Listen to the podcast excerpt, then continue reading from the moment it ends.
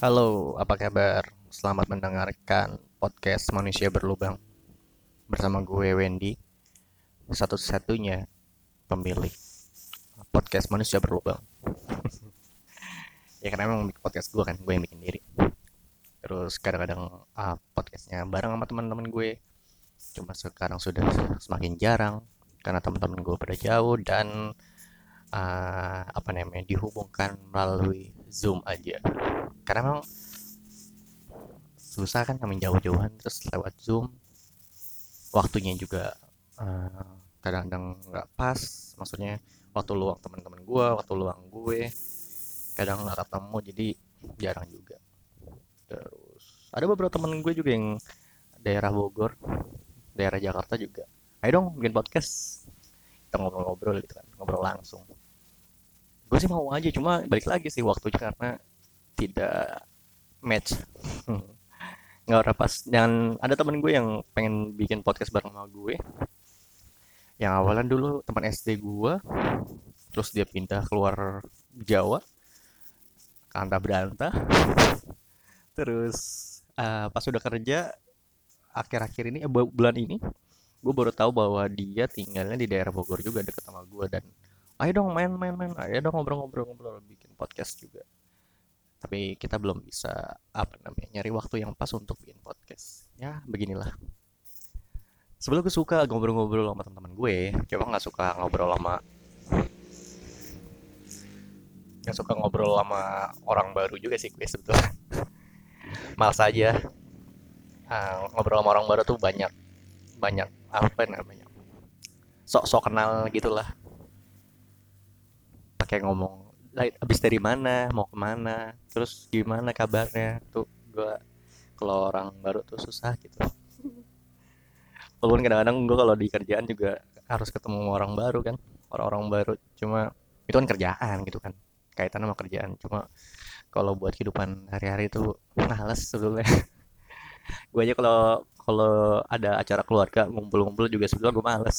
Gue mendingan dokem di kamar diem gitu kan nonton film udah kayak gitu gitu aja. Emang emang mungkin introvert mungkin bisa jadi kayak gitu. Gue orangnya malesan ketemu orang. Kalau udah ketemu orang dan cocok ngobrolnya kayak istri gue oh gue bisa berjam-jam lo ngobrol sama istri gue sama temen gue yang yang teman-teman lama gue gue juga pasti bisa nyaman ngobrol sama mereka. Karena memang sudah tahu uh, apa namanya frekuensinya udah udah pas gitu kan. Ngobrolinnya udah pas gitu. Mau ngomongin apa aja ketawanya nyambung. Jadi nyaman. Makanya kalau orang-orang baru tuh harus ada adaptasi lagi pendekatan lagi.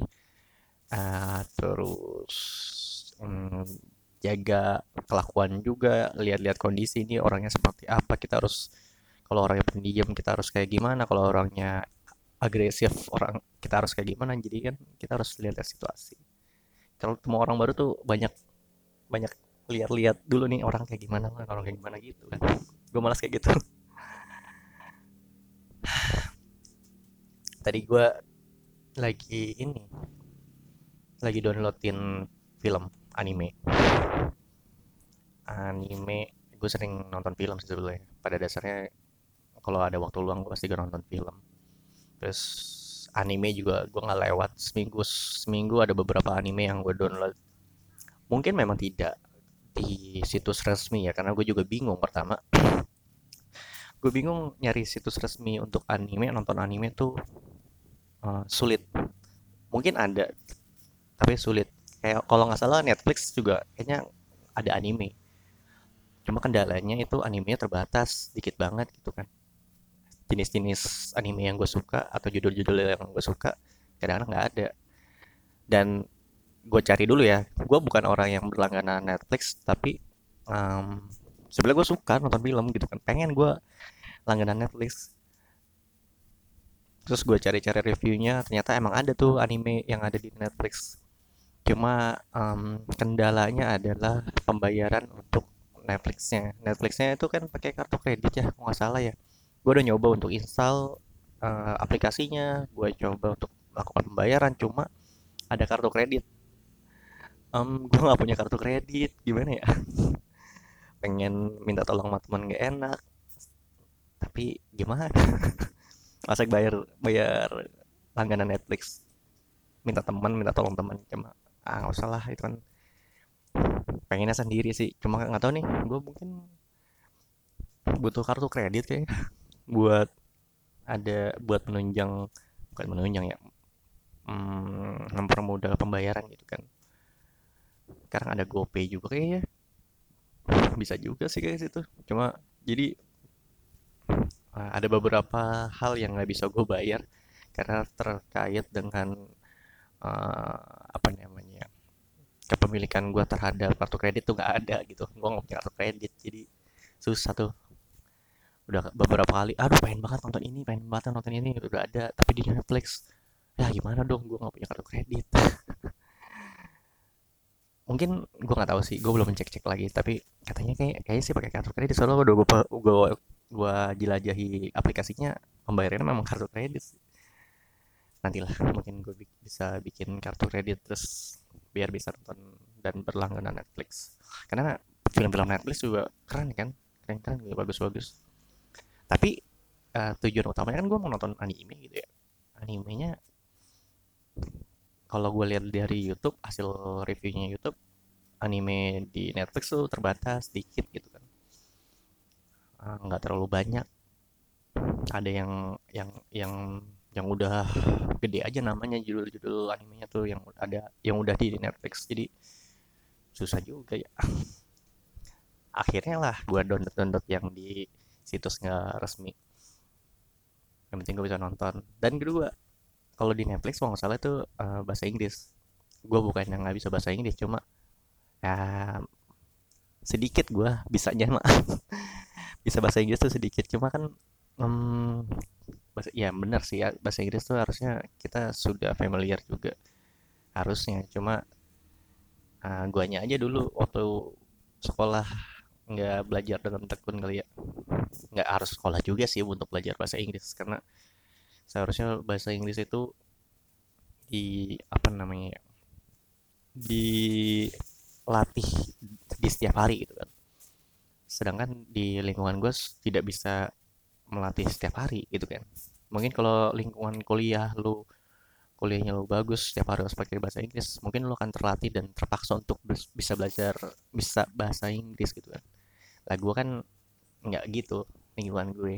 Kalaupun lu untuk men lu mencoba sendiri nih di kerumunan lingkungan lu nih di teman-teman lu untuk mencoba untuk bahasa Inggris juga pasti dia aja ah so Inggris lu so so gimana lu? Pasti gitu.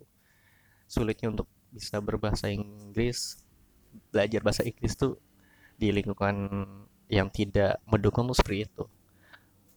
Gua pernah dengar itu belajar bahasa Inggris di Jogja eh di bukan sih daerah Jawa gitu yang kampung Inggris kalau nggak salah yang isinya semuanya orang-orang pakai bahasa Inggris yang kayak orang warung, tukang tukang batagor, somai semuanya pakai bahasa Inggris dari yang level bawah uh, level bawah sampai level atas juga semua pakai bahasa Inggris dan uh, orang kalau datang ke sana dia didukung oleh lingkungannya. Gue percaya sih kalau lingkungan itu bisa membuat orang berubah. Salah satunya untuk bisa belajar bahasa Inggris. Jadi uh, bener sih kalau lo mau belajar bahasa Inggris ya lingkungan lo harus dirubah sebetulnya balik lagi kita ke Netflix. Jadi ada dua hal yang menurut gua uh, kurang eh tiga hal berarti. Kalau di Netflix tuh gua harus berbayar pakai kartu kredit. Kedua uh, animenya sedikit terbatas. Ketiga subtitle ya.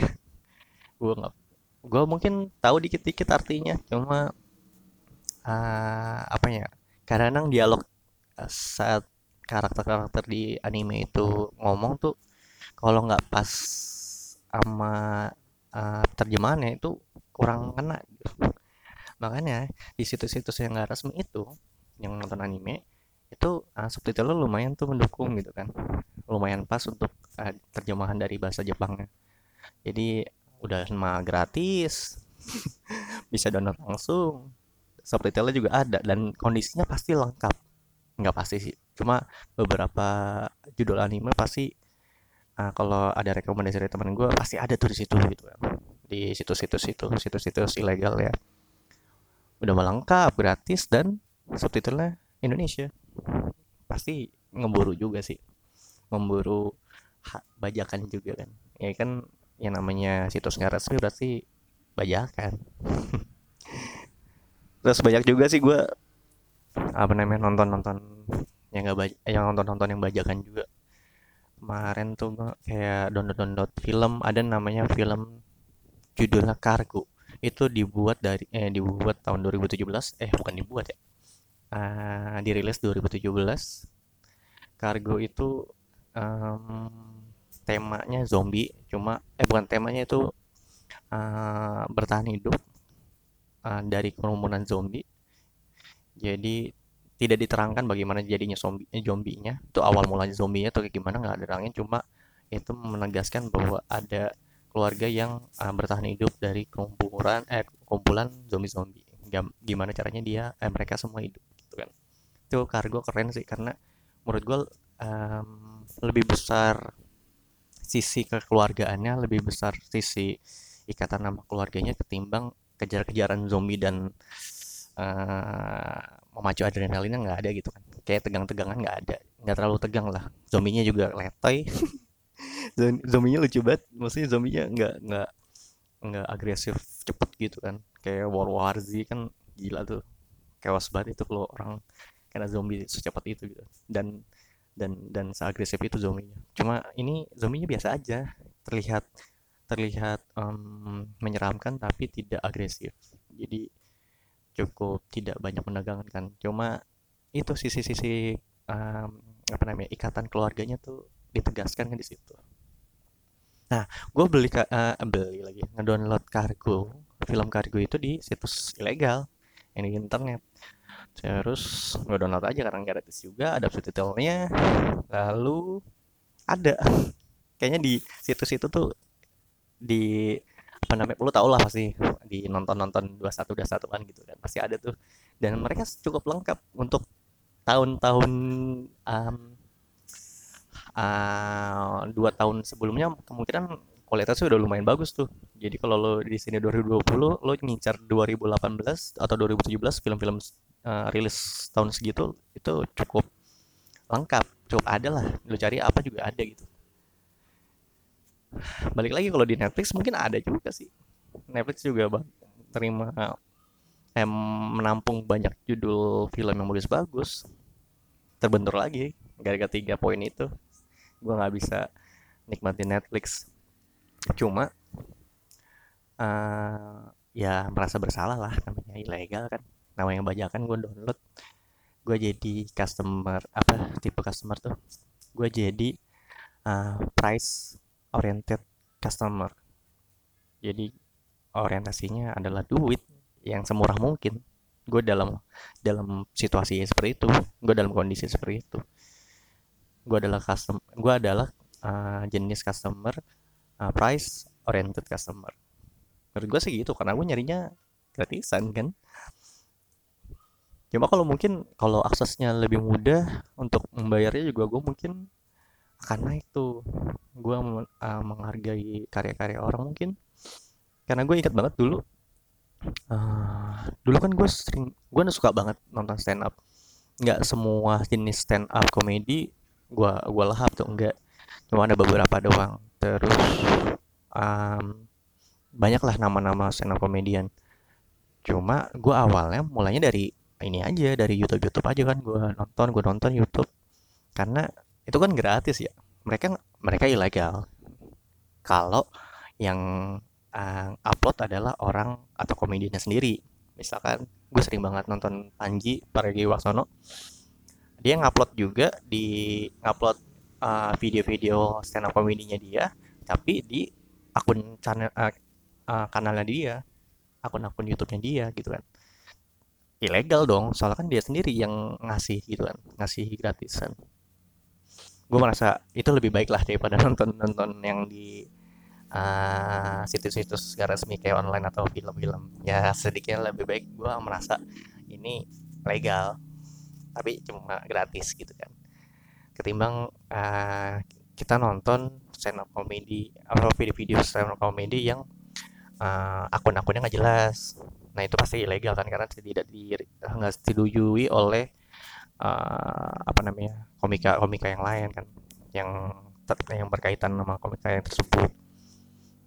Nah kembali lagi nih ke stand up comedy yang sering gue nonton. Kayak ada beberapa, cuma beberapa doang sih yang kayak komedian yang ngupload sendiri videonya di YouTube. Karena memang hmm, apa namanya mereka kan nyari uang juga dari ini dari uh, pertunjukan dia terus digital downloadnya. Pasti kan mereka lebih konsentrasi gimana cara dapat duit dari uh, yang resmi kayak digital download gitu kan. Kalau di YouTube berarti kan uh, ngegratisin video dia dong. Ya kayak gitu lah mungkin mereka juga ada beberapa komika yang mikirnya kayak gitu. Cuma dari uh, setiap gue nonton stand up comedy uh, komika-komika yang ada di YouTube gue makin geras sih sebetulnya gue pengen yang uh, berbayar karena tidak ada potongan-potongan video. Karena kalau yang di YouTube biasanya dipotong-potong tuh disensor dipotong-potong. Terus sudah terlalu banyak gue sudah terlalu sering nonton mereka yang diulang-ulang terus. Gue pengen banget yang full gitu kan full videonya. Mau nggak mau dong gue harus ke ininya apa namanya digital downloadnya atau uh, stand up show-nya mereka kan um, gue pernah sih stand up bukan stand up show sih. Eh bukan stand up show-nya tapi uh, open mic-nya doang sih. Open mic-nya sih emang isinya kan buat buat mereka belajar doang ya. Jadi um, beat-beatnya joke-joke-nya itu yang biasa gue denger di YouTube juga sih sama aja. Cuma nonton langsung aja. Tapi emang emang audiens eh ambiennya tuh beda tuh ambiensnya ambiensnya beda uh, kalau nonton langsung sama nonton di YouTube. Rasa ketawanya terus rasa uh, ekspresi wajahnya komika untuk ngasih atau udah delivery beat-beatnya tuh nyampe nya beda gitu ke ke pendengar kalau eh penonton kalau nonton langsung. Memang sih kayaknya gue juga pengen banget gue nonton gitu kan nonton langsung stand up show gitu cuma kadang-kadang waktunya nggak pas karena gue juga kerja terus butuh hitung-hitungan waktu buat pulang pergi. Oh gitu istri gue lagi hamil. Jadi uh, susah tuh kalau gitu. Gue pengen banget nonton stand up show di tahun 2018 atau 2019 kalau nggak deh. Cuma ya ada yang lebih penting. Jadi lebih mikirin isi dulu lah gimana dulu sih ya kan stand up show nggak cuma 2018 2019 pasti dari 2018 ke bawah pasti ada juga. Cuma kan um, gue masih masih nonton gratisan. Masih suka nonton gratisan. Belum kayak belum bisa memberikan uang gue lebih untuk nonton sebuah pertunjukan stand up. Belum tuh gue belum merasa seperti itu. Masih merasa merasa ah masa sih gue harus ngeluarin duit segini untuk untuk nonton gitu kan itu tuh masih gue merasa kayak ya gue customer yang cuma mempedulikan uang gue yang keluar tuh berapa gitu kan. Gue lebih baik nonton gratisan gitu kan. Masih kayak gitu tuh 2018 ke bawah tuh gue nah pas ke sini sini udah sering nonton di YouTube. Terus udah ah bosan gue nonton YouTube mulu. Nah gue pengen ke level yang lebih tinggi kayak uh, mengupgrade ya status gue menjadi uh, value oriented customer. Jadi uh, gue mau lebih nih membayar lebih untuk mendapatkan kepuasan lebih gitu kan. Akhirnya dari nonton-nonton YouTube akhirnya beranjak gue ke uh, beli digital downloadnya Komiko Komika. Um, digital download pertama gue gue belinya di eh gue belinya di ini apa namanya lupa gue komika.id itu uh, apa namanya dibangun nama Panji Pragiwaksono ya? Iya benar sih kayaknya sih gitu. Komika.id karena gue penasaran tuh di stand upnya Panji yang uh, terakhir itu dia kan yang pertunjukan Pragiwaksono salah namanya. Gue penasaran aja gitu kan. Uh, setiap dia bikin pertunjukan tuh semakin meningkat gitu. Dari dari penontonnya meningkat dari kualitas meningkat semuanya membuat gue bikin penasaran gitu untuk untuk nonton dan karena nonton nggak bisa karena nonton nggak bisa ya udah gue beli digital downloadnya. Harganya berapa ya? 150 ribu kalau nggak salah segitu ya. 150 ribu terus belinya di komika.id dan di komika.id nya ini akses untuk membayarnya juga gampang menurut gue. Itu lu cuma eh, registrasi di websnya terus ikutin petunjuknya lalu apa namanya belanja terus um, bayar. Bayarnya juga pakai virtual akun yang di uh, e-banking juga ada. Jadi gampang tuh tinggal transfer transfer doang. Nggak pakai kartu kredit. Kalau pakai kartu kredit mungkin gue bingung juga tuh. Mungkin bisa minta tolong sama teman cuma ah malas lagi tuh. Kendala nggak punya kartu kredit kan tapi pakai virtual akun kayaknya bisa juga. Ya udah beli tonton. Hmm, cukup puas dengan dengan komedinya. Terus uh, apa yang gue bayar juga uh, kayaknya uh, seimbang nih atau uh, cukup untuk uh, mendapatkan kepuasan untuk ketawa-tawa di videonya itulah. Jadi gue ngerasain untuk menjadi customer yang mementingkan value atau nilai yang diberikan oleh pekarya-pekarya. Terus nggak nggak cuma di situ doang gue beli download lagi sih. Didinya didinya Gilang Baskara tuh. Gilang Baskara apa namanya pertunjukan lupa lah. Stand up juga sih namanya. Uh, komikanya Gilang Baskara gue bayar. Di komika.id juga.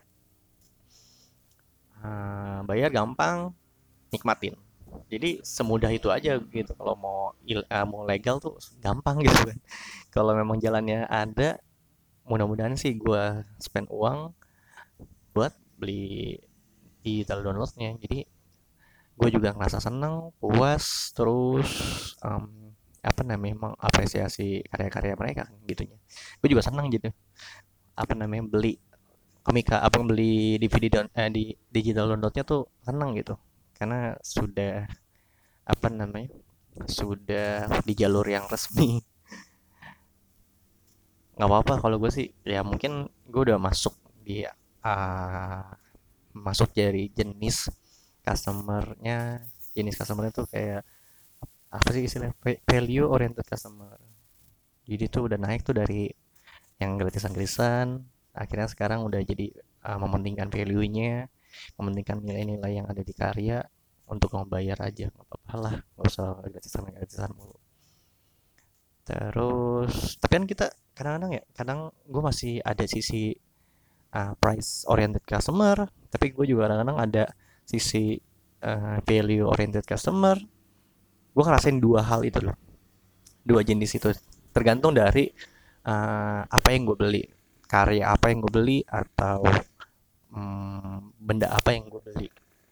Gue masih ngerasa kok kalau gue masih puas mendapatkan harga yang lebih murah ketimbang gue beli yang mahal. Karena kan ada orang yang gue beli mahal dong. Gue bangga dengan kemahalan gue yang gue beli. Padahal bendanya sama sama yang gue beli dan harganya lebih murah daripada orang lain gitu kan.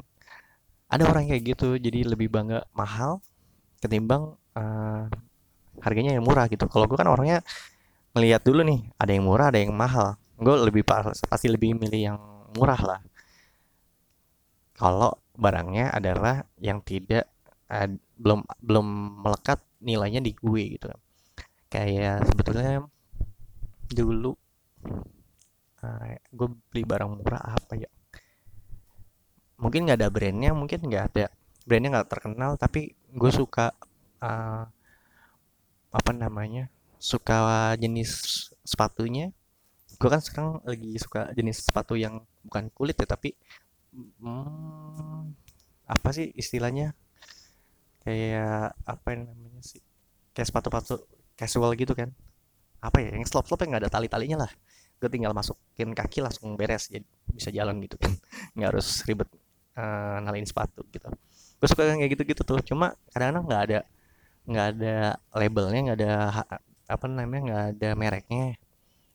Terus harganya juga murah ya pasti gue sikat tuh gitu. Gue terlalu nggak terlalu mentingin apa yang gue pakai gitu. Cuma kalau kalau ada brand yang gua incer kayak dulu gua masih suka pakai Converse sepatu Converse. Kalau disandingin ada Converse KW sama Converse yang ori pasti gue milih yang Converse ori. Karena um, value-nya yang gue dapat eh, yang gue cari adalah value-nya si brandnya. Brandnya Converse kalau gue nyari brand yang KW tapi abal-abal atau uh, apa brand Converse-nya tapi abal-abal atau KW gue nggak mau tuh. Nah itu membuktikan bahwa gue juga ada sisi value oriented customer tuh.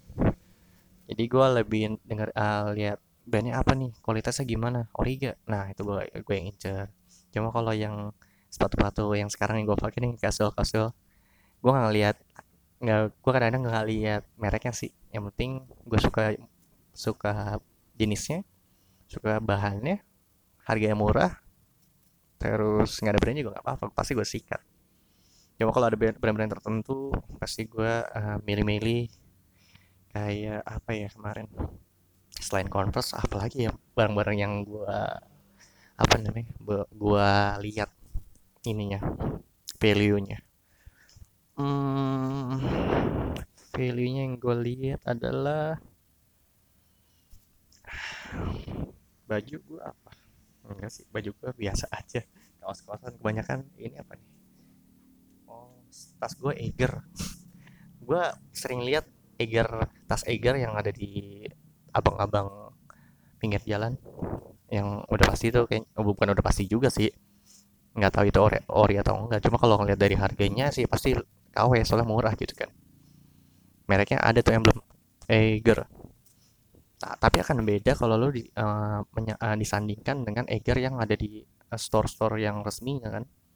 Nah gue kemarin tuh nyari tas tapi yang uh, kondisinya ori karena eh ori. Gue nyari yang mereknya Eiger gitu. Pasti gue jalan dah ke toko Eiger yang resmi. Nggak mungkin ke uh, abang-abang pinggir jalan yang jual di pasar malam. Karena gue ngelihat dari value-nya ngelihat dari nilainya oh, gue suka brand ini gue tahu bahannya bagus. Akhirnya gue pergi ke Eger Store. Pasti kayak gitu. Cuma apalagi ya yang gue lihat value-nya? Mungkin motor gue suka motor Honda merek Honda. Pasti yang kadang-kadang gue cari brandnya dulu lah brandnya dulu. Ya nggak kalau Honda susah ya dibikin KW-KW-nya ya. Jangan deh. Jangan Honda jangan motor. Apa yang ada brand terkenal tapi di KW-in juga? Apa ya? Nggak ada lagi kali ya. Paling itulah sedikit sedikit brand yang gue beli berdasarkan dari apa namanya dari value-nya dan banyak juga yang gue beli barang-barangnya kaos-kaos yang enggak ini yang yang enggak ada mereknya. Tapi gue gue lagi sering ngumpulin kaos ini kaos oblong. Nggak ada nggak ada gambar-gambarnya cuma warna warna doang kayak warna dasar aja. Kayak um, hitam putih terus merah marun atau biru uh, gelap gitu kan. Tapi mereknya NSA apa ya NSA tulisan apa sih singkatan dari apa ya? NSA ya? Cuma gitulah. Ada merek mungkin Amerika tapi tuh tapi kayaknya made in Bangladesh deh kalau nggak salah NSA itu. Nggak tahu lah. Pokoknya kaos lah kaos yang oblong tapi mereknya NSA itu dipakainya enak banget. Maksudnya uh, dia tipis tapi mm, nggak mm, nggak murahan lah kaosnya. Gue suka suka yang gitu tuh yang kayak bahannya jatuh terus nggak kaku. Tipis dan enak dipakai. Lu lu tau kan kalau kaos makin lama dipakai tuh kalau um, dia makin nyaman itu barang mahal tuh buat gue. Kaos kalau dari awal nih dari awal beli udah nyaman udah enak tapi dipakai bertahun-tahun tetap enak. Nah itu kaos mahal menurut gue. Adalah kalau kaos lu misalkan beli beda lo beli, beli kaos di pasar malam misalkan yang harganya cuma dua puluh lima ribu dua puluh lima ribuan gitu kalau lo pakai makin lama makin gak enak. Beda tuh kalau mau kaos mahal. Kaos mahal tuh yang 150-an yang 200-an tuh kalau eh NSA juga nggak nggak sama hal itu sih. Cuma nggak tahu lah NSA kayaknya 50 ribuan apa nggak salah. Tapi kualitasnya bagus NSA tuh. Gue suka bahannya bahannya asik. Mungkin beda-beda ya jangan dipatok dengan harga juga ya. Ada juga kualitas yang bagus tapi harganya juga murah ada sih. Yaitu salah satunya NSA ya gitulah. Pokoknya kalau kaos lu dipakai setahun dua tahun dan sampai sampai lima tahun masih ada dan masih nyaman itu kaosnya kaos mahal menurut gue. Uh, gitulah. Tapi kan tadi kita uh, gua ngomongin uh, price oriented customer terus value oriented customer. Ada lagi satu lagi itu tipe customer yang hmm, uh, cuma ngelihat dari produknya produknya terbaik produknya terkeren terbagus pasti diembat pasti disikat sama dia. Itu jenis customernya adalah produk oriented customer. Pokoknya yang terbaik yang dikeluarkan oleh produk itu pasti dia sikat. Hmm, kemarin gue lihat gue ngeliat review-review orang di di YouTube untuk uh, mengendarai Nissan e-Power, Nissan Kick e-Power, sorry, Nissan uh, Nissan Kick e-Power itu adalah mobil apa namanya mobil elektrik. Penggerak elektrik penggeraknya listrik. Cuma uh, chargingnya adalah mesin mesin bensin. Ini mungkin ini mobil hybrid yang masih menggunakan bensin cuma konsumsi bahan bakarnya jadi lebih murah lebih irit karena uh, mesin bensinnya hanya untuk mengisi uh, listrik atau arus ke dalam baterai sehingga baterainya nanti menggerakkan um, keempat roda yang ada di mobil. Jadi konsepnya seperti itu. Jadi konsep mobil elektrik mobil hybrid yang digerak yang ngegerakin roda empat rodanya itu adalah elektrik motor-motor elektriknya. Cuma kalau motor elektrik kan sumbernya dari uh, si baterai. Kalau baterainya habis uh, arusnya nanti yang ngisi adalah yang jadi generatornya adalah mesin bensinnya. Jadi itu menurut gue mobil yang praktis dan terbaik yang gue pernah lihat dan dan apa uh, cocok untuk orang-orang di Indonesia gitu kan.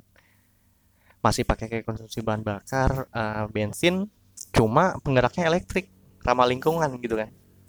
Keren itu mobil Nissan Kick e-Power. Gue baru ngeliat itu aja langsung wah ini produk terbaik menurut gue. Yang mungkin bukan gue bisa dapat sih cuma untuk uh, orang yang di Indonesia yang masih menggunakan bensin atau solar eh solar nggak masuk sih. Solar nggak bisa pakai solar si uh, Nissan Kick ini mungkin cukup cocok gitu kan di di Indonesia gitu kan. Mau hybrid tapi lo masih bisa uh, ngisi bensin gitu kan. Nggak repot lo nyari uh, station yang pakai charger listrik gitu kan. Kan kalau mobil-mobil hybrid yang full hybrid yang ma yang mahal-mahal itu yang dari brand-brand lain itu kan ini pakai charger uh, colokan gitu kan. Yang ngisinya juga nggak terlalu nggak ngacuk nggak bisa cepet gitu kan pasti sejam berapa jam gitu kan. Jadi ribet tuh.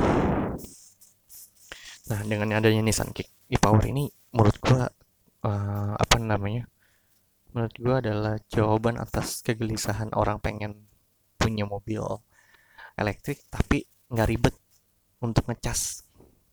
Iyalah kan dicas sama mesin bensin. Mesin bensin butuhnya cuma bensin. Di semua pom bensin yang ada di Indonesia juga ada bensin jadi lo nggak perlu repot. Wah itu asik banget sih kalau gue punya uang uh, punya rezeki mobil baru yang akan gue pilih adalah Nissan Kick e-Power. Nggak tahu sih brand, brand lain akan melakukan hal yang kayak gitu atau enggak cuma Nissan oke okay juga sih. Nissan Ika e-Kick uh, Nissan Kick e-Power itu keren. Menurut gue keren. Terus uh, fiturnya jauh bagus modelnya oke. okay.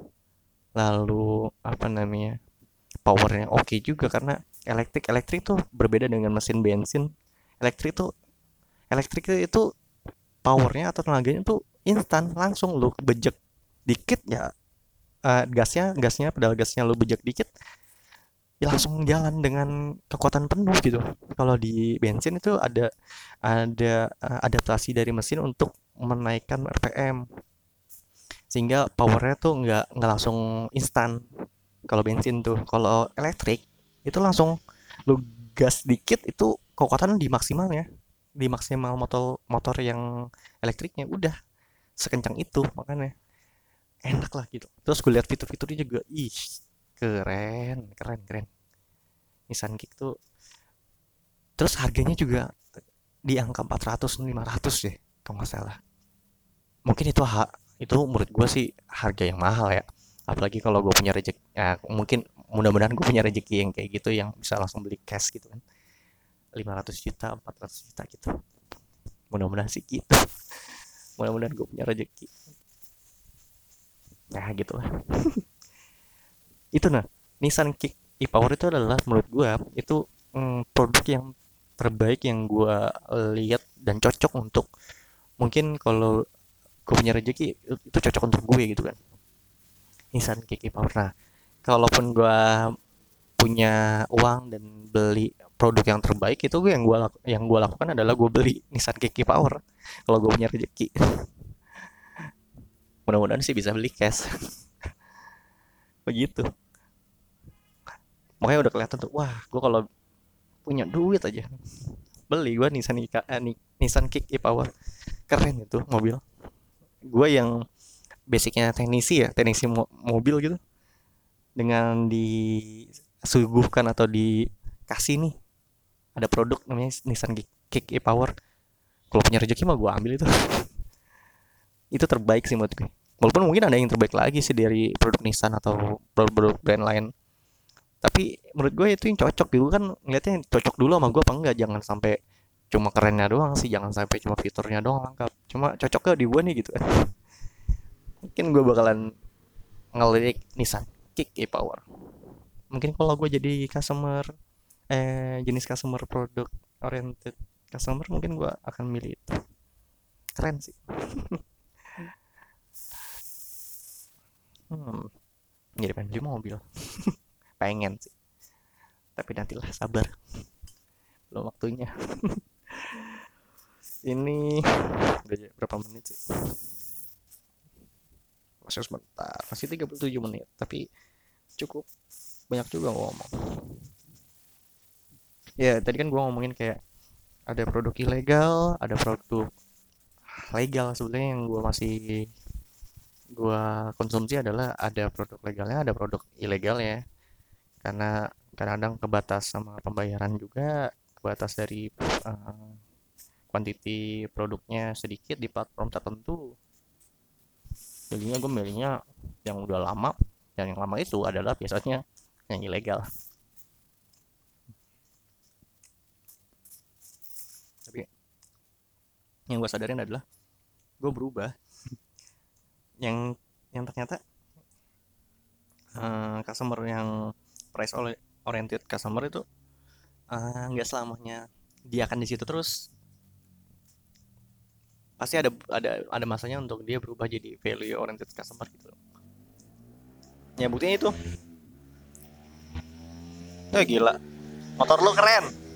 Suaranya kencang banget. Kayak yang punya kuping dia doang ya?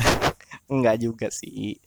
Motor gua juga motor gue juga suaranya kencang sih tapi nggak tidak uh, tidak apa ya tidak membuat orang bikin ya anjing suara lu kencang itu motornya gitu. Suara motor lu kencang emang yang punya kuping lu doang. Nggak sampai teriak kayak gitu sih. Tidak mengganggu lah kenapa motor gue. Sudah lebih uh, sudah, sudah lebih manusiawi lah motor eh, kenapa motor gue. Dari sampai mana ya? Sampai oh iya perubahan dari uh, price oriented customer menjadi value oriented customer. Gue ngerasain itu banget. Dari yang tadi gue suka gratisan eh akhirnya gue makin lama makin sadar bahwa kayaknya gue harus ke harus bayar karya orang deh. Harus bayar produk dari orang lain gitu. Apresiasi lah. Tapi gue nggak nggak mau tujuan gue untuk beli tadi beli DVD don eh, digital downloadnya tidak untuk mengapresiasi komikanya enggak karena gue pengen yang lengkap aja. Nah kalau gue mau yang lengkap ya pasti gue harus bayar gitu doang. Wawasannya di situ. Mungkin ada uh, sisi di, uh, ada beberapa persen uh, sisi gue untuk mengapresiasi uh, pekarya-pekarya seni ada. Karena jadi jadi bangga gue beli. Yang yang legal tuh bangga gue yang resmi tuh kayak ih gue beli yang resmi bangga nih gue gitu. Walaupun harganya uh, agak cukup nih cukup mahal. Menurut gue sih kisaran di atas 100 sih cukup mahal buat gue kalau untuk DVD gitu kan. Karena dulu kan kita terpapar sama DVD bajakan kan yang paling harganya 7000 atau 10000 kan.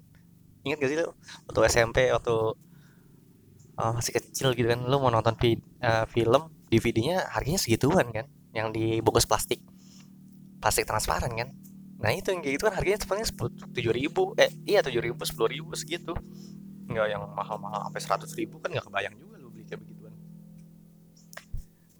Mungkin eh, nggak uh, hanya wawasan mungkin uh, kualitas ekonomi kehidupan gue uh, lumayan meningkat. Mungkin bisa kayak bisa jadi kayak gitu. Bagaimana caranya gue bisa beli DVD download tanpa uang? Kan berarti ada spend uh, eh, apa menyisikan uang lebih dari uang bulanan gue. Kalau gue bisa menyisihkan lebih dari uang uang bulanan gue berarti gue uh, standar ekonominya sudah sudah meningkat dikit. Udah ada uang lebih kan.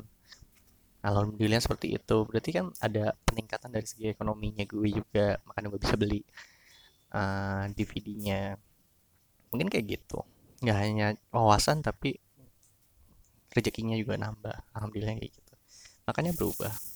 Tapi menurut gue gitu ya. Karena ada orang yang pengen gratisan. Dan nggak mungkin nggak ada pasti ada juga. Gue juga sering lebih suka kalau ada promo-promo diskon-diskon pasti gue membat sih. Jangan kan promo ya diskon eh, eh jangan kan uh, gratis. Promo-promo pasti diembat-embat juga kan. Pasti banyak juga orang yang nyari gratisan nyari promo-promo nyari diskon pasti banyak banget. Tapi ada juga yang nyari value-nya nyari uh, produk terbaiknya ada. Nggak nggak nggak akan nggak akan hilang lah. Makanya dari dulu kayaknya sih tiga jenis customer itu yang dari uh, price oriented value oriented sama product product oriented itu pasti ada terus gitu kan. Nggak mungkin hilang. Paling kalau lu gue juga mikir ya karena kalau mau bikin bisnis atau usaha tiga orang ini pas eh, tiga jenis orang ini pasti ada gitu ya. Cuma kadang-kadang mungkin ada yang nggak nggak mempedulikan price oriented karena mereka orientasinya gratisan dong dan harga yang paling murah kan ya. mungkin ada orang-orang kayak gitu kali ya. Kayak kemarin istri gue beli baju uh, kemeja buat gue. Harganya 150-an harga standarnya atau harga normal ya. Itu 150-an apa 170-an gitu ya yang menurut istri gue kadang ah ini kemahalan untuk bahan yang seperti ini. Eh pas ada diskon cuma cuma 60 apa 70 ribu gitu langsung diembat langsung dia order gitu kan. Karena wah ini harga terbaik nih dengan dengan uh, apa namanya standar kualitas kemeja yang bagus gitu. Dasar ibu-ibu. Ya sama lah. Nggak ibu-ibu doang lo juga mikirnya gitu. Nanti sering berjalannya waktu juga ekonominya semakin membaik mudah-mudahan. Terus wawasan makin membaik mudah-mudahan hingga kita membeli barang atau produk orang yang terbaik juga harganya. Kadang-kadang hmm, apa ya namanya pernah kan lo dikasih gratisan sama temen lo misalkan temen lo punya pasti punya uh, toko kopi terus coffee shop gitu atau temen lu jualan apa gitu kan dikasih harga temen lah. Harga temen tuh istilah istilah yang kita dengar buat harga yang lebih murah gitu kan untuk uh, untuk orang lain gitu untuk teman-teman kita. Tapi gue nggak enak kan gue orangnya. Kalau ada teman gue usaha dia kan usaha ya kerja gitu. Pengen dapat uang gitu dari uh, dari karya-karya dia atau dari um, produk yang dia buat gitu. Awalnya dulu gue uh, senang-senang aja sih. Ah ada motor kencang lagi jadi kedengaran jadi dulu gue masih seneng lah nerima barang-barang gratisan dari temen nerima barang-barang hmm, diskonan dari teman karena oh, ini harga temen nih gue jualan ini tapi buat lu harganya segini harga yang murah gitu tapi gue pengennya tuh uh, ini bayar aja bayar biasa karena gue tahu gue uh, gue malu tuh temenan. Dan selain teman yang menghargai dengan harga yang pas. Awalnya memang menyenangkan ya dikasih gratis-gratis gitu sama teman cuma mikir lagi kan dia kan kerja dia kan usaha dia nyari duit. Sama kayak gua nyari duit di kantor gua kalau dia membuat sesuatu dan dijual dan dia menjualnya ke gue dengan harga yang murah udah hilang tuh rasa senang gue walaupun emang secara lubuk hati mah senang juga ya dikasih harga murah cuma um, ada rasa nggak menghargai karya teman. Kayak kayak gimana ya? Susah lah diungkapin. Tapi pernah kan lo dapat situasi seperti itu lo dikasih murah atau dikasih gratis sama teman lo tapi tetap lo tetap pengen bayar karena lo tahu betapa susahnya dia bikin itu betapa hmm, ribetnya untuk membuat itu. Terus lo dengan mudahnya lo nerima dengan nerima dengan gratis. Kayaknya susah sih mendingan lo bayar aja lah. Karena kita sama-sama kerja sama-sama tahu gimana susah nyari uang. Ya udah akhirnya dikasih juga duitnya. Atau kita bayar juga. Gue sih pernah beberapa kayak gitu. Tapi kalau gua rada beda nih. Itu kan teman-teman gue yang nyari duit dari pure nyari duit dari karyanya dia. Kan ada teman gue kan ada beberapa teman gue yang hmm, pekerja seni lah. Ada yang mural ada yang lukis itu um, adalah uh, apa namanya profesi mereka yang lewat jadi lewat lewat jalur seni lah. Dan jalur seni itu menurut gue agak susah-susah gampang untuk ngasih harga ke orang. Contohnya gue gue suka ngegambar gue suka sketch uh, wajah sketch eh pokoknya gue suka sketsa kayak ngegambar ngegambar gitu. Terus ada teman gue yang minta tolong we tolong dong gambarin uh, uh, momen gue momen di mana gue mau ada ulang tahun nih uh, pacar gue gue mau bikin uh, sketsa. Eh bukan mau bikin gue minta jasa lu untuk membuat sketsa gambar atau wajahnya dia gitu. Terus nanti di frame uh, gambarnya nanti dikasih ke dia. Gue tuh seneng tuh membuat kayak gitu gitu cuma pasti tanya gue seneng bikinnya gue seneng prosesnya gue seneng hasilnya saat temen gue puas hasil karya gue tapi gue bingung kalau dikasih uh, kalau dikasih pertanyaan ini berapa biayanya? gitu kan nah itu gue bingung tuh. Kadang-kadang gue namanya seni ya apa yang gue suka ya gue lakuin aja. Kadang-kadang gue nggak minta bayaran. Karena emang gue suka ngelakuinnya. Cuma gue ngeliat dari teman-teman gue yang profesinya bener-bener uh, seniman atau pelukis atau semacamnya mereka emang kerjanya kan dari situ ya. Buat gue sendiri kalau gue ditanya berapa harganya untuk sebuah sketsa gue gue bingung kadang-kadang bingung. Apalagi kalau yang minta teman gitu kan. Kadang-kadang gue dulu-dulu tuh malah gue yang terima kasih. Gue punya kegiatan atau tujuan untuk menggambar. Karena ada objeknya. Siapa nih yang mau digambar ya? Nih. Gue malah yang terima kasih karena gue suka gambarnya. Gue gue suka prosesnya. Gue suka hasilnya. Gue suka salah salahnya kan nama sketsa kan sebetulnya tuh adalah kumpulan garis-garis salah. Sketsa itu sebetulnya itu. Menurut gue sketsa atau gambar atau lukisan lah. Lukisan yang yang lu lihat bagus banget realistis banget itu sebetulnya tuh ada kumpulan-kumpulan garis-garis salah yang uh, diperbaiki, diimprove uh, sehingga menciptakan garisan-garisan yang bagus yang udah pernah lihat lu lihat di pameran-pameran lah gitu lah. Sebenarnya sketsa itu adalah atau gambar itu adalah kumpulan-kumpulan garis-garis salah. Menurut gue sih gitu. Cuma yang cuma dihargain dan dibayar. Kadang-kadang dibayar. Nah balik lagi tuh, gue kadang-kadang bingung. Nih ngasih harganya berapa patokannya berapa cuma gue pernah makin ke sini makin tahu harga harga sketsa gue berapa gitu karena gara-gara hmm, temen gue mau bikin kenang-kenangan untuk bosnya di kantor. Dia akhirnya punya inisiatif bikin karikatur muka bosnya. Lalu dia pergilah ke daerah Istana Bogor. Kan di Istana Bogor di setiap jalannya sudut-sudut jalannya tuh ada seniman yang bikin karikatur gitu kan. Akhirnya dia pesan harganya sekian terus hasilnya ini gitu kan. Gue lihat hasilnya uh, eh, gue bukan merendahkan cuma uh, ini masih kasar banget gitu kan. Harusnya belum belum sampai dikasih. Lo harusnya di sini masih bisa dipoles lagi ya dengan halus sehingga garis-garisnya bagus dan bisa lo terima dengan maksimal. Ini garisnya masih masih kasar. Udah lo terima gitu kan udah lo bayar gitu kan harusnya belum gitu kan. Tapi dengan itu gue tahu biayanya berapa. Oh biaya mereka pedang eh, mm, seniman-seniman yang ada di uh, Istana Bogor tuh dari daerah situ oh segini rate-nya. Oh segini. Jadi gue tahu tuh oh kalau temen gue mau nanyain harga ya udah gue tinggal kasih ngomong ini. Kalau di sini bayarnya segini kalau lo mau bayar gue dan lo merasa puas silakan lah uh, lo mempertimbangkan biaya yang lo keluarkan. Gitu kalau gue sih. Kalau gue bilangnya gitu kalau oh kalau di istana Bogor daerah-daerah ini senimannya harganya segini.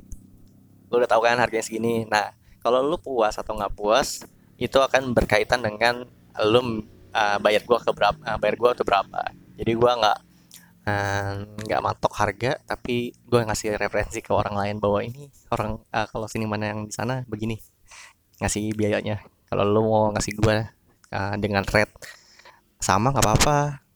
Rate lebih atau kurang juga nggak apa-apa. Nggak jadi masalah gue yang penting teman-teman gue ngerasa ngehargain gue gue juga nggak nggak pengen dihargain sih sebenarnya. Dengan dia puas dan terima aja semut gue sih gue cukup.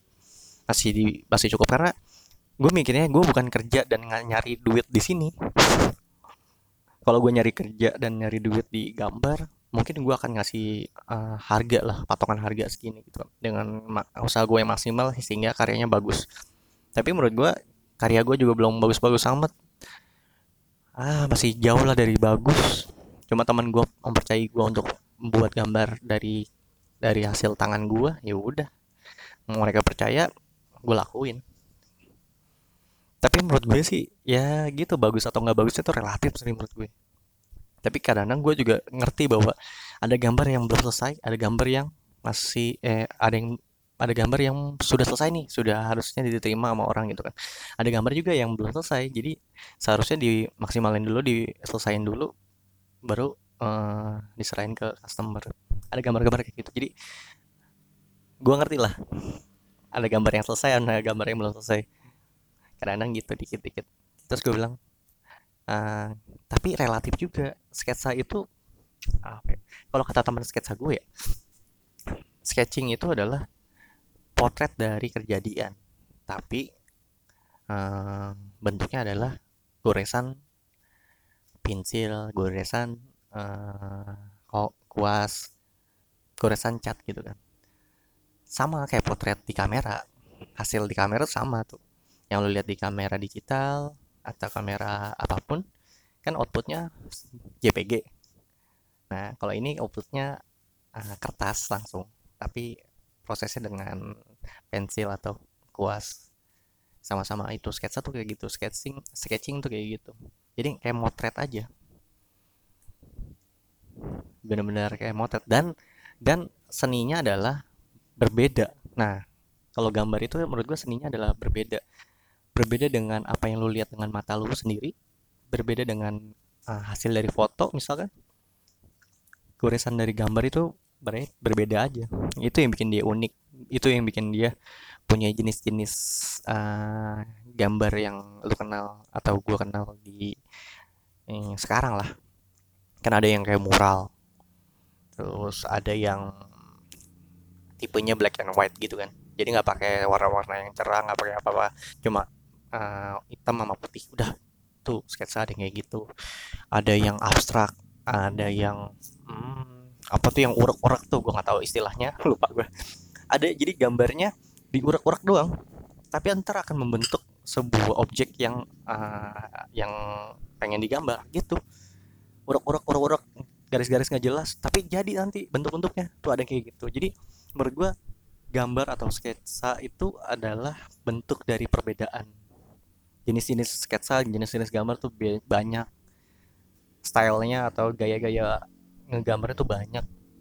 Jadi menurut gue gambar itu adalah uh, hasil dari perbedaan-perbedaan yang uh, pelukis atau sketch sketcher yang uh, buat gitu kan. Beda-beda. Lagi kadang-kadang kalau udah beda-beda gitu lu tahu kita tahu bahwa gambar itu beda-beda dari stylenya jadi cara hmm, gambarnya beda-beda. Jenis um, hasilnya juga beda-beda. Ntar kita ketahuan bahwa gambar itu sebelah beda nggak ada jelek nggak ada bagus yang ada beda. Teman gue yang di uh, komunitas kesa juga gitu ngomongnya. Gambar itu nggak ada yang bagus nggak ada yang jelek. Semuanya sama relatif banget. Tapi yang bikin yang bikin kita bisa menghargai sebuah karya adalah perbedaannya. Orang orang tangannya beda. Otak yang ngegambarnya beda. Jenis atau cara ngegambarnya beda medianya beda kertasnya biasanya beda alat gambarnya juga beda pasti nanti outputnya beda semua. Itu yang bikin uh, gambar atau karya lukis itu dihargai dengan baik itu adalah yang kayak gitu yang beda-beda. Makanya gue diajar bukan diajarin ya gue dikasih tahu sama teman-teman di sketsa komunitas sketsa itu gambar tuh nggak ada yang nggak ada yang jelek dan bagus. Pasti semuanya relatif di mana kita aja referensinya di mana.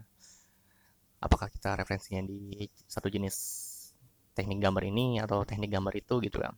Beda-beda. Yang kita bisa apresiasi eh, uh, apresiasi adalah perbedaannya itu sendiri. Keren sih tuh orang-orang situ orang-orang komunitas Bogor Sketcher. Aduh ini ngelantur ya tadi gue ngomongin apa nih oh iya ngomongin ngomongin ini um, ngasih rate harga. Ngasih rate harga sama temen. Bingung kan. Ya kalau lo punya temen temen lo usaha jangan minta harga temen lah. Bilang aja mah harga biasa kayaknya berapa gitu. Kalau dikasih eh, kasih pertanyaan kayak gitu harga temennya berapa nih? Jangan segini dong. Malah ya kalau lu teman gue lah lu menghargai gue dengan um, biaya yang normal. Iya dong. Lu teman lu teman gue dari kecil dari sampai sekarang. Terus gue usaha misal gue beli ya, usaha roti gitu. Usaha produk roti gitu. Terus lu mau uh, ada proyekan lu beli roti gue dengan skala banyak skala besar terus lu minta uh, diskon diskon diskon diskon. Inilah diskon. Kalau beli skala banyak pasti ada diskon lah biasanya ngasih ngasih gitu. Cuma kalau lu beli satu bungkus doang terus lu tahu bahwa lu teman gue lu mintanya gini harga temen dong. Masa segini sih sama temen? Lah kalau kalau lu tahu lu teman gue lu pasti akan menghargai gue dengan harga yang oke okay, yang harusnya harga normal. Karena lu tahu dong prosesnya seperti apa. Susahnya bikin ini kayak gimana? Harusnya tahu dong. Harusnya kayak gitu dong mikirnya bukan gara-gara temen harganya jadi turun. Jangan dong. Apalagi orang itu profesinya bener-bener itu doang gitu usaha doang. Wah jangan deh. Kalau kalau profesi cuma cuma iseng-iseng doang kayak gua nih. Iseng-iseng doang gambar terus ada temen yang minta tolong gambarin. Eh gua mau gue gambarin. Bayaran. Nanti aja bayaran mak. Kalau udah puas kalau lu puas sama hasil gue gue kasih nih ini orang lain biasanya kayak gini. Setelah lu lu mau kasih gue berapa kalau lu puas setelah lu kasih gue berapa kalau lu nggak puas juga lu nggak bayar gue juga nggak apa-apa. Gue juga seneng jalaninnya kok. Ini jam berapa ya? Oh 58 oke. Okay. udah cukup panjang. Um, gue selesaiin aja ya. Semoga hmm, apa ya? Semoga ada manfaatnya podcast kali ini jadi ada referensi untuk lo tadi gue ngomongin apa? Oh iya film. Ada referensi lo untuk uh, nonton film yang gratis atau yang gratis lagi yang legal. Lo ada referensi untuk nonton film yang legal di mana? Lo sadar bahwa ilegal itu ilegal itu salah? Eh gue salah itu. Beli atau download eh nggak beli sih gue. Download film-film yang, yang di situs-situs ilegal itu berarti udah pasti ilegal. Salah ya terus hmm, tadi gue ngomongin apa sih? Oh pokoknya itulah. Gue juga lupa kadang-kadang gitu lah maklum ini otak gue otak ya otak kecil lah. Jadi memorinya nggak terlalu besar. Kadang-kadang apa yang gue omongin nggak gue bisa ingat sepenuhnya. Udah terima kasih atas uh, waktunya untuk mendengarkan podcast ini. Semoga bermanfaat podcast kali ini. Uh, terima kasih lagi udah dengerin. Um, gue akhirin lihat gue cabut. Bye bye